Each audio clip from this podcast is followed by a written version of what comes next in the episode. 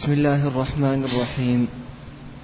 الحمد لله رب العالمين والصلاة والسلام على أشرف الأنبياء والمرسلين نبينا محمد وعلى آله وصحبه أجمعين. قال الشيخ بكر بن عبد الله أبو زيد رحمه الله تعالى في كتابه حلية طالب العلم الفصل السادس التحلي بالعمل. الرابع والأربعون من علامات العلم النافع تساءل مع نفسك عن حظك من علامات العلم النافع وهي أولا العمل به. بسم الله الحمد لله والصلاة والسلام على رسول الله. هذا الأمر تقدم معنا أن أولا لابد من العلم أولا. والدليل أن الله سبحانه وتعالى قال فاعلم أنه لا إله إلا الله واستغفر لذنبك. إذا لابد أولا من العلم قبل القول والعمل كما قال الإمام محمد بن الوهاب رحمه الله. في الأصول الثلاثة. ثم بعد هذا أن يعمل بما تعلم. وقال هتف العلم بالعمل فإن أجاب ولا ارتحل إذا لابد إذا تعلم أن يعمل. وإلا كان في شبه باليهود لأن اليهود عندهم علم ولكن لا عمل. نعم فثمرة العلم العمل. وهتف العلم بالعمل فإن أجاب ولا ارتحل نعم. ثانيا كراهية التزكية والمدح والتكبر على الخلق. آه نعم. يقول آه، أن يزكي النفس فلا تزكوا أنفسكم هو أعلم بمن اتقى. والأصل أنه دائما يتهم النفس. آه، ابن القيم رحمه الله يقول وظن بنفسك السوء تجدها كذاك. يعني تمشي على الصراط المستقيم. وخيرها كالمستحيل وقل يا نفس ما وقل يا نفس مأوى كل سوء أترجو الخير من ميت بخيل. إذا دائما لابد أن تظن بنفسك السوء وتظن أن كل ما بهذه ولا بد تعتقد أن كل ما بهذه النفس من خير ونعمة وتوفيق وصلاح واستقامة وهداية ومحافظة على صلوات وما ذلك فتلك مواهب الرب الجليل. نعم. ثالثا تكاثر تواضعك كلما ازددت علما. نعم. كل ما يزداد علم كل ما يزداد تواضع لله سبحانه وتعالى وهذا تقدم معنا. إنما يخشى الله من عباده العلماء والطالب العلم يطلب العلم حتى يتواضع لا يتكبر على الخلق. نعم. رابعا الهرب من حب الترأس والشهرة والدنيا. نعم. وكما قيل قديما حب الظهور يقطع الظهور وتقدم معنا. نعم. خامسا هجر دعوى العلم. هجر دعوى العلم يعني لا بد أن يهجر ادعاء معرفة للعلم وضبط للعلم. نعم ويعرف ما ما هو عليه من يعني الجهل. نعم. سادسا إساءة الظن بالنفس وإحسانه بالناس تنزها عن الوقوع بهم. نعم إحسان الظن في الله سبحانه وتعالى قلنا ولا بد من إحسان الظن في الله. وأن سوء الظن في الله هذا من صفات المنافقين والكافرين. وتقدم معنا كلام ابن القيم وظن بنفسك السوء تجدها. نعم. وقد كان عبد الله بن المبارك إذا ذكر أخلاق من السلف ينشد لا تعرضن بذكرنا مع ذكرهم ليس الصحيح إذا مشى كالمقعد. نعم. الخامس والأربعون زكاة العلم. أد زكاة العلم صادعا بالحق آمرا بالمعروف نهاء عن المنكر. الآن, الآن بعد أن ذكر لك أولا العلم وثانيا العمل وثالثا الدعوة إلى هذا الذي تعلمته. بخاصة الدعوة إلى توحيد الله سبحانه وتعالى. وقل لا بد أن تزكي هذا العلم. نعم. ومنه يقول تعليم للناس. نعم. أد زكاة العلم صادعا بالحق. صادعا بالحق. وهذا الأصل. أن الطالب إذا تعلم لا بد أن يعمل ويدعو صادعا بالحق. وتقدم معنا في الصدق. أن الطالب لا بد أن يكون صادق. نعم. صادق مع الله وصادق مع عباد الله. نعم.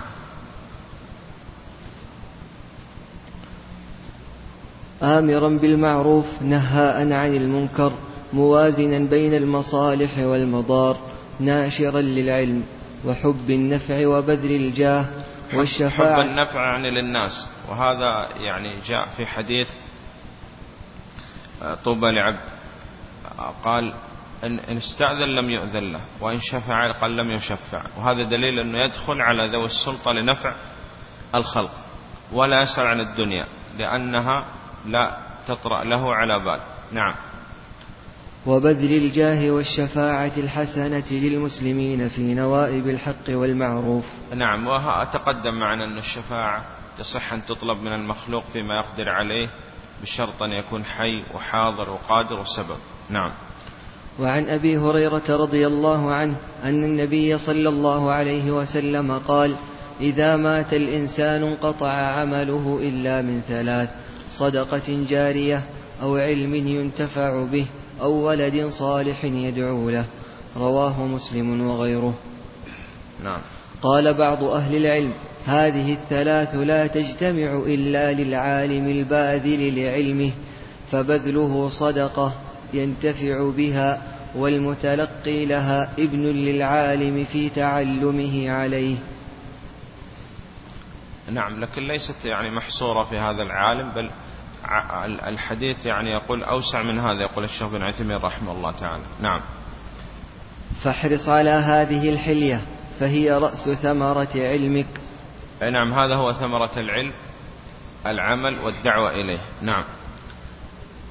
ولشرف العلم فإنه يزيد بكثرة الإنفاق وينقص مع الإشفاق وآفته الكتمان.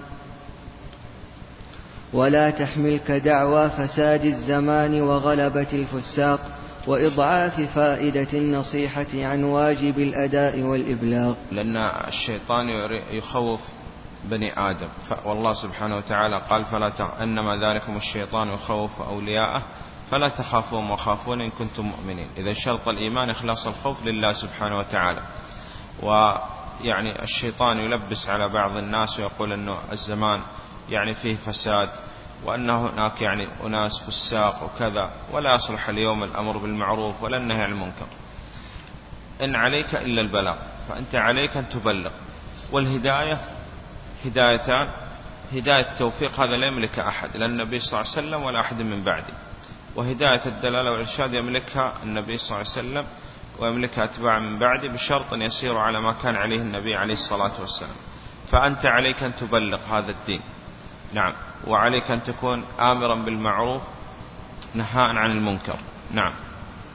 قال فإن فعلت فهي فعلة يسوق عليها الفساق الذهب الأحمر ليتم لهم الخروج على الفضيلة ورفع لواء الرذيلة. واستحقت هذه الأمة أن تكون خير أمة بأمرها بالمعروف ونهي عن المنكر. كنتم خير أمة أخرجت للناس تأمرون بالمعروف وتنهون عن المنكر. نعم. السادس والأربعون عزة العلماء التحلي بعزة العلماء صيانة العلم وتعظيمه وحماية جناب عزه وشرفه. الله, الله أعلم أنه يعني هذا المبحث الآن ليس مبحثنا نحن لأننا لم نصل إلى مرتبة العلماء ونحن الآن طلاب علم. فإذا وصلنا يكون يعني نأخذ هذه الأمور. نعم. وحماية جناب عزه وشرفه وبقدر ما تبذله في هذا يكون الكسب منه ومن العمل به وبقدر ما تهدره يكون الفوت ولا حول ولا قوة إلا بالله العزيز الحكيم.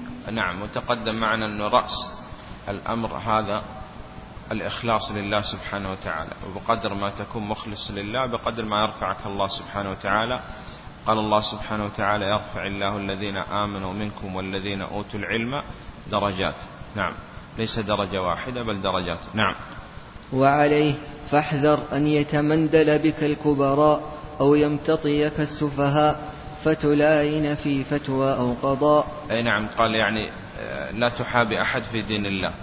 لأنه تقدم معنا أن شيخ الإسلام رفض الإعطيات واكتفى بقليل كان يأخذ من أخيه.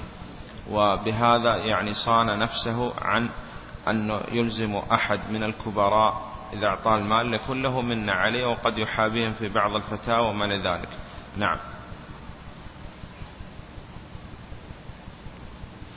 وعليه فاحذر أن يتمندل بك الكبراء أو يمتطيك السفهاء فتلاين في فتوى أو قضاء أو بحث أو خطاب. نعم. ولا تسع به إلى أهل الدنيا ولا تقف به على أعتابهم ولا تبذله إلى غير أهله وإن عظم قدره ومتع بصرك وبصيرتك بقراءة التراجم والسير لأئمة مضوا. الأصل تقدم معنا أن الميزان هو ما كان عليه النبي صلى الله عليه وسلم. فالأصل أن يرجع إلى سيرة النبي صلى الله عليه وسلم. ثم بعد هذا ينظر إلى العلماء. وقلنا أن العلماء رفعهم الله سبحانه وتعالى لأنهم تمسكوا بهدي النبي صلى الله عليه وسلم. إذن أولا لابد ينظر إلى هدي النبي عليه الصلاة والسلام وخير الهدى هدى محمد عليه الصلاة والسلام. ثم بعد هذا ينظر في سيرة العلماء ولا بأس. نعم. ومتع بصرك وبصيرتك بقراءة التراجم والسير لأئمة مضوا ترى فيها بذل النفس في سبيل هذه الحماية. لا سيما من جمع مثلا في هذا مثل كتاب من أخلاق العلماء لمحمد سليمان رحمه الله تعالى. وكتاب الإسلام بين العلماء والحكام لعبد العزيز البدري رحمه الله تعالى. وكتاب مناهج العلماء في الأمر بالمعروف والنهي عن المنكر لفاروق السامرائي. وأرجو أن ترى أضعاف ما ذكروه في كتاب عزة العلماء. يسر الله إتمامه وطبعه. ومن الكتب أيضا يقول آه، كتاب الذهبي رحمه الله. نعم. وقد كان العلماء يلقنون طلابهم حفظ قصيدة الجرجاني علي بن عبد العزيز المتوفى سنة 92 وثلاثمائة رحمه الله تعالى كما نجدها عند عدد من مترجميه ومطلعها يقولون لي فيك انقباض وإنما رأوا رجلا عن موضع الذل أحجما. أرى الناس من دانهم هان عندهم ومن أكرمته عزة النفس أكرما ولو أن أهل العلم صانوه صانهم ولو عظموه في النفوس لعظما لعظم بفتح الضاء المعجمة المشالة. ما هو الفرق بين المعجم والمهملة؟ المعجمة هي التي تكون عليها نقطة والمهملة ليس عليها شيء. نعم. السابع والأربعون. صيانة العلم. نعم. إن بلغت منصبا فتذكر أن حبل الوصل إليه طلب طلبك للعلم. فتذكر أن حبل الوصل إليه طلبك للعلم. يقول إذا الآن يعني قدر الله سبحانه وتعالى على هذا الطالب وأنه أصبح عالم ثم ترأس ووضع في منصب من المناصب. قال وضعه في هذا المنصب من المناصب أولا هذا من فضل الله ويجب عليه شكر هذه النعمة وأن هذا يعني ما حصل إلا بما آه، إلا بتوفيق الله سبحانه وتعالى أولا وآخرا ثم قال بما يعني تعلم من علم. نعم. إن بلغت منصبا فتذكر أن حبل الوصل إليه طلبك للعلم. فبفضل الله ثم بسبب علمك بلغت ما بلغت من ولاية في التعليم أو الفتيا أو القضاء. نعم. وهكذا.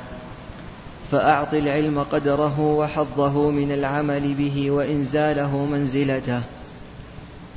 واحذر مسلك من لا يرجون لله وقارا الذين يجعلون الأساس حفظ المنصب. فيطوون ألسنتهم عن قول الحق. نعم يعني همه نسأل الله السلامة العافية المحافظة على المنصب. ويعني وقدم رضا الناس بسخط الله. فقال هذا لا ينال مقصوده بل تنقلب عليه الأمور ويكون الجزاء من جنس العمل. سخط الله عليه وأسخط عليه الناس. نعم. فيطون ألسنتهم عن قول الحق ويحملهم حب الولاية على المجاراة فالزم رحمك الله المحافظة على قيمتك بحفظ دينك وعلمك وشرف نفسك بحكمة ودراية وحسن سياسة. احفظ الله يحفظك احفظ الله في الرخاء يحفظك في الشدة. تعرف على الله في الرخاء يعرفك في الشدة. هذا الصحيح. نعم. وإن أصبحت عاطلا من قلادة الولاية وهذا سبيلك ولو بعد حين فلا بأس فإنه سبيلك ولو بعد حين يقول لابد أن هذه الولاية يعني تعزل عنها سواء كان بموت أو يعني قال يعزل يكون لكبر السن وكذا يتقاعد أو كذا لأي أمر من الأمور. يقول هذا المنصب زائل وأنه لا يدوم لأحد. وقال إذا كان أنه زائل لابد أن تراعي حقوق الله سبحانه وتعالى أولا. نعم. وإن أصبحت عاطلا من قيادة الولاية وهذا سبيلك ولو بعد حين فلا بأس فإنه عزل محمدة لا عزل مذمة ومنقصة. نعم. عزل محمدة لأنه هو كان في هذا المنصب مطيعا لله مقدما لله سبحانه وتعالى لا للهوى ولا مداراة ولا مداهنة ولا غيره. بخلاف يقول نسأل الله السلامة والعافية بعض الناس في المناصب قال يكون همهم إرضاء الناس أو الحفاظ على المنصب أو ما إلى ذلك. وتجد نسأل الله السلامة والعافية يتوب وينيب إلى الله سبحانه وتعالى بعد أن يعزل من المنصب. وكان الأصل أنه عندما يتولى هذا المنصب أن يتقي فيه فيه الله سبحانه وتعالى. نعم. ومن العجيب أن ترى هذا هو. نعم اللي يقول. نعم. ومن العجيب أن بعض من حرم قصدا كبيرا من التوفيق لا يكون عنده الالتزام والإنابة والرجوع إلى الله إلا بعد التقاعد. نعم. وقد فات الأوان. لم يفت الأوان يعني من التوبة لكن فات الأوان من يعني الترقي والوصول إلى يعني المحافظة على هذا المنصب وجعله طاعة لله سبحانه وتعالى. فهذا ما اغتنم الوقت. نعم. وكان بعد فوات الأوان يعني فوات أوان العمل. نعم. لكن يبقى في حق التوبة. وقال هذا يعني يقع فيه بعض الناس هدانا الله إياهم. نعم. فهذا وإن كانت توبته شرعية. توبته شرعية ولا وأنه باب التوبة لم يغلق. وإحنا قلنا يغلق باب التوبة إما بطلوع الشمس مغربها أو أن تحضر الوفاة. نعم. لكن دينه ودين العجائز سواء. إذ لا يتعدى نفعه أما وقت ولايته حال الحاجة إلى تعدي نفعه فتجده من أعظم الناس فجورا وضررا. أو بارد القلب أخرس اللسان عن الحق فنعوذ بالله من الخذلان. آمين. الثامن والأربعون المداراة للمداهنة. نعم. ودارهم ما دمت في دارهم وأرضهم ما دمت في أرضهم. نعم. المداهنة خلق منحط أما المداراة فلا لكن لا تخلط بينهما. نعم. فتحملك المداهنة إلى حضار النفاق مجاهرة. نعم يقول ينافق وجهرة. وهذا تقدم معنا أنه مخالف للصدق عند طالب العلم أنه لا بد أن يكون صادق. نعم صادعا بالحق آمرا بالمعروف نهان عن المنكر. نعم.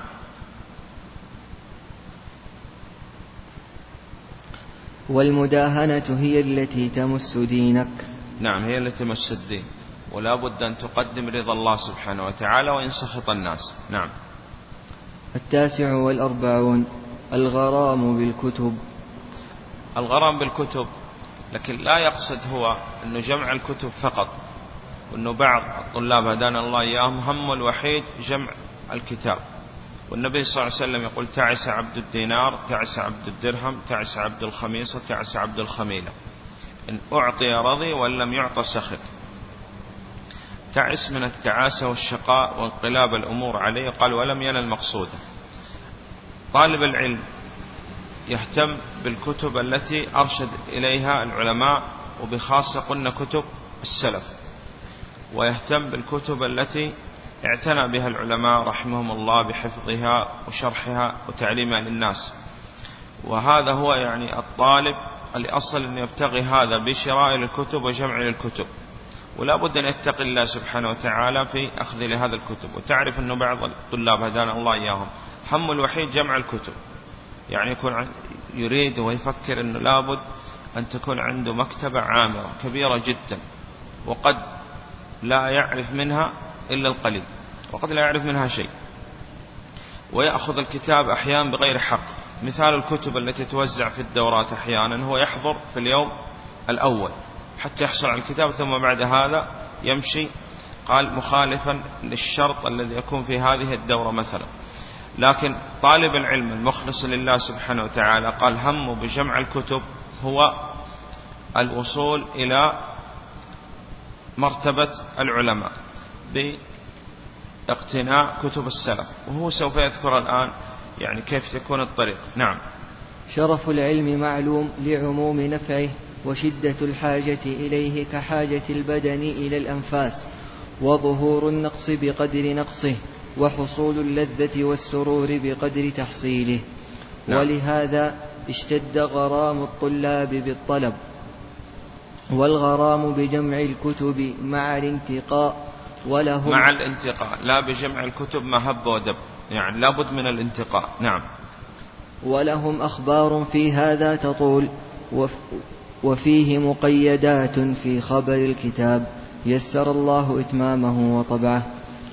نعم. وعليه وعليه فاحرز الأصول من الكتب. هذا أولا يقول لابد أن تحصل الأصول قبل الفروع نعم من الكتب. نعم. واعلم أنه لا يغني منها كتاب عن كتاب ولا تحشر مكتبتك وتشوش على فكرك بالكتب الغثائية لا سيما كتب المبتدعة فإنها سم ناقع. نعم. إذا إذا هو ينصح أن يقول لا تأخذ كتب أهل البدع والمخالفين لأهل السنة والجماعة تتركها. نعم. ولأن بعض الطلاب يغتر بنفسه ويقول أنا أعرف الصحيح من السقيم وكذا وأنا أقرأ ولا يهمني شيء. لا عليك أولا بكتب السلف. نعم. الخمسون قوام مكتبتك. نعم. عليك بالكتب المنسوجة على طريقة الاستدلال والتفقه في علل الأحكام. استدلال يعني الكتب التي يذكر فيها المصنف بعد كل مسألة الدليل من الكتاب والسنة كما هي حال الإمام محمد عبد الوهاب رحمه الله. لا يذكر مسألة إلا مقرونة بالدليل الاستدلال والتفقه. أيضا مثل ما ورد في كتاب التوحيد أن التفقه ذكر الإمام محمد عبد الوهاب مسائل كل باب وهي المستفادة من الآيات والأحاديث. نعم. وهذه هي طريقة أئمة السلف ومنهم شيخ الإسلام ابن تيمية وتلميذ ابن القيم وسوف يذكر هذا. نعم. والغوص على أسرار المسائل ومن أجلها كتب الشيخين شيخ الإسلام ابن تيمية رحمه الله تعالى. نعم كتب شيخ الإسلام لا يستغني عنها طالب العلم وكتب ابن القيم وإحنا تقدم معنا. أن الأصل أنه يدرس ويتتلمذ على شيخ الإسلام. ثم يأخذ الكتب السهلة أولا من كتب شيخ الإسلام. ثم بعد ذلك يستطيع بإذن الله قراءة الكتب التي فيها شيء من الصعوبة وكذا. إذا لم يستطع الوصول إلى شيخ الإسلام ينزل قليل إلى إلى ابن القيم. ويقال أنه ابن القيم كالترجمان لشيخ الإسلام. نعم. ومن أجلها كتب الشيخين شيخ الإسلام ابن تيمية رحمه الله تعالى. وتلميذه ابن القيم الجوزية رحمه الله تعالى. وهذا يعني في اقتناء هذه الكتب سلامة للدين وللعرض وللمال أيضا لأن أرخص الكتب الآن الموجودة هي كتب شيخ الإسلام وكتب ابن القيم. نعم. وعلى الجادة في ذلك نعم. من قبل. كانوا, كانوا على الجادة في هذا. نعم. وعلى الجادة في ذلك من قبل ومن بعد كتب الحافظ ابن عبد البر رحمه الله تعالى وأجل كتبه التمهيد. نعم. والحافظ ابن قدامة رحمه الله تعالى وأرأس كتبه المغني. والحافظ الذهبي رحمه الله تعالى. والحافظ ابن كثير رحمه الله تعالى. والحافظ ابن رجب رحمه الله تعالى. والحافظ ابن حجر رحمه الله تعالى. والحافظ الشوكاني رحمه الله تعالى والإمام محمد بن عبد الوهاب رحمه الله تعالى وكتب أئمة الدعوة ومن أجمعها الدرر السنية. والعلامة الصنعاني رحمه الله تعالى لا سيما كتابه النافع سبل السلام. والعلامة صديق حسن خان القنوجي رحمه الله تعالى والعلامة محمد الأمين الشنقيطي رحمه الله تعالى لا سيما كتابه أضواء البيان. نعم ولكن كما تقدم معنا أنه الطالب أنه الأصل أنه يدرس فن واحد يتقنه ثم بعد هذا ينتقل إلى الفن الثاني كذلك أيضا في قراءة الكتب أنه يقرأ مثلا أولا إذا أراد مثلا الدراسة في التوحيد مثلا يقرأ أولا كتب الإمام محمد عبد الوهاب. بعد أن يتم هذه الكتب ينتقل ويرتقي إلى مثلا ابن القيم ثم بعد هذا يرتقي إلى شيخ الإسلام. يعني ما يخلط أيضا في قراءة الكتب. نعم. ولا بد التنبيه أيضا إلى يعني ما نبه عليه العلماء. مثاله إذا كان يقرأ في كتب ابن حجر مثلا يعني يسأل العلماء ما, ما الذي يعني يحذر منه في قراءة كتب ابن حجر رحمه الله. مثاله أنه مثلا في العقيدة عنده أشعرية وكذا فلا بد يحذر. إذا الأصل هو يسير على الأخذ من كتب السلف لكن ينظر إلى ما حذر منه العلماء في قراءة بعض الكتب. نعم. وأن يعني نسي الشيخ يعني لن ننسى إحنا كتب يعني نصح بها العلماء من أئمة أئمة الدعوة عندنا. الشيخ بن عثيمين رحمه الله والشيخ بن باز رحمه الله والشيخ الألباني رحمه الله الجميع. نعم. وقال أن يعني هناك بعض المتأخرين من أهل السنة قال هل يقرأ لهم أو الأولى أن يقرأ لمن تقدم من السلف كشيخ الإسلام وابن القيم. فأيهما يقدم؟ قدم كتب الأئمة. نعم. الذين يقول أفضل ما قدموا ومن كان مستنا فليستن بمن مات فإن الميت قد أمنت عليه الفتنة. نعم. الواحد والخمسون التعامل مع الكتب. لا تستفد من كتاب حتى تعرف اصطلاح مؤلفه فيه.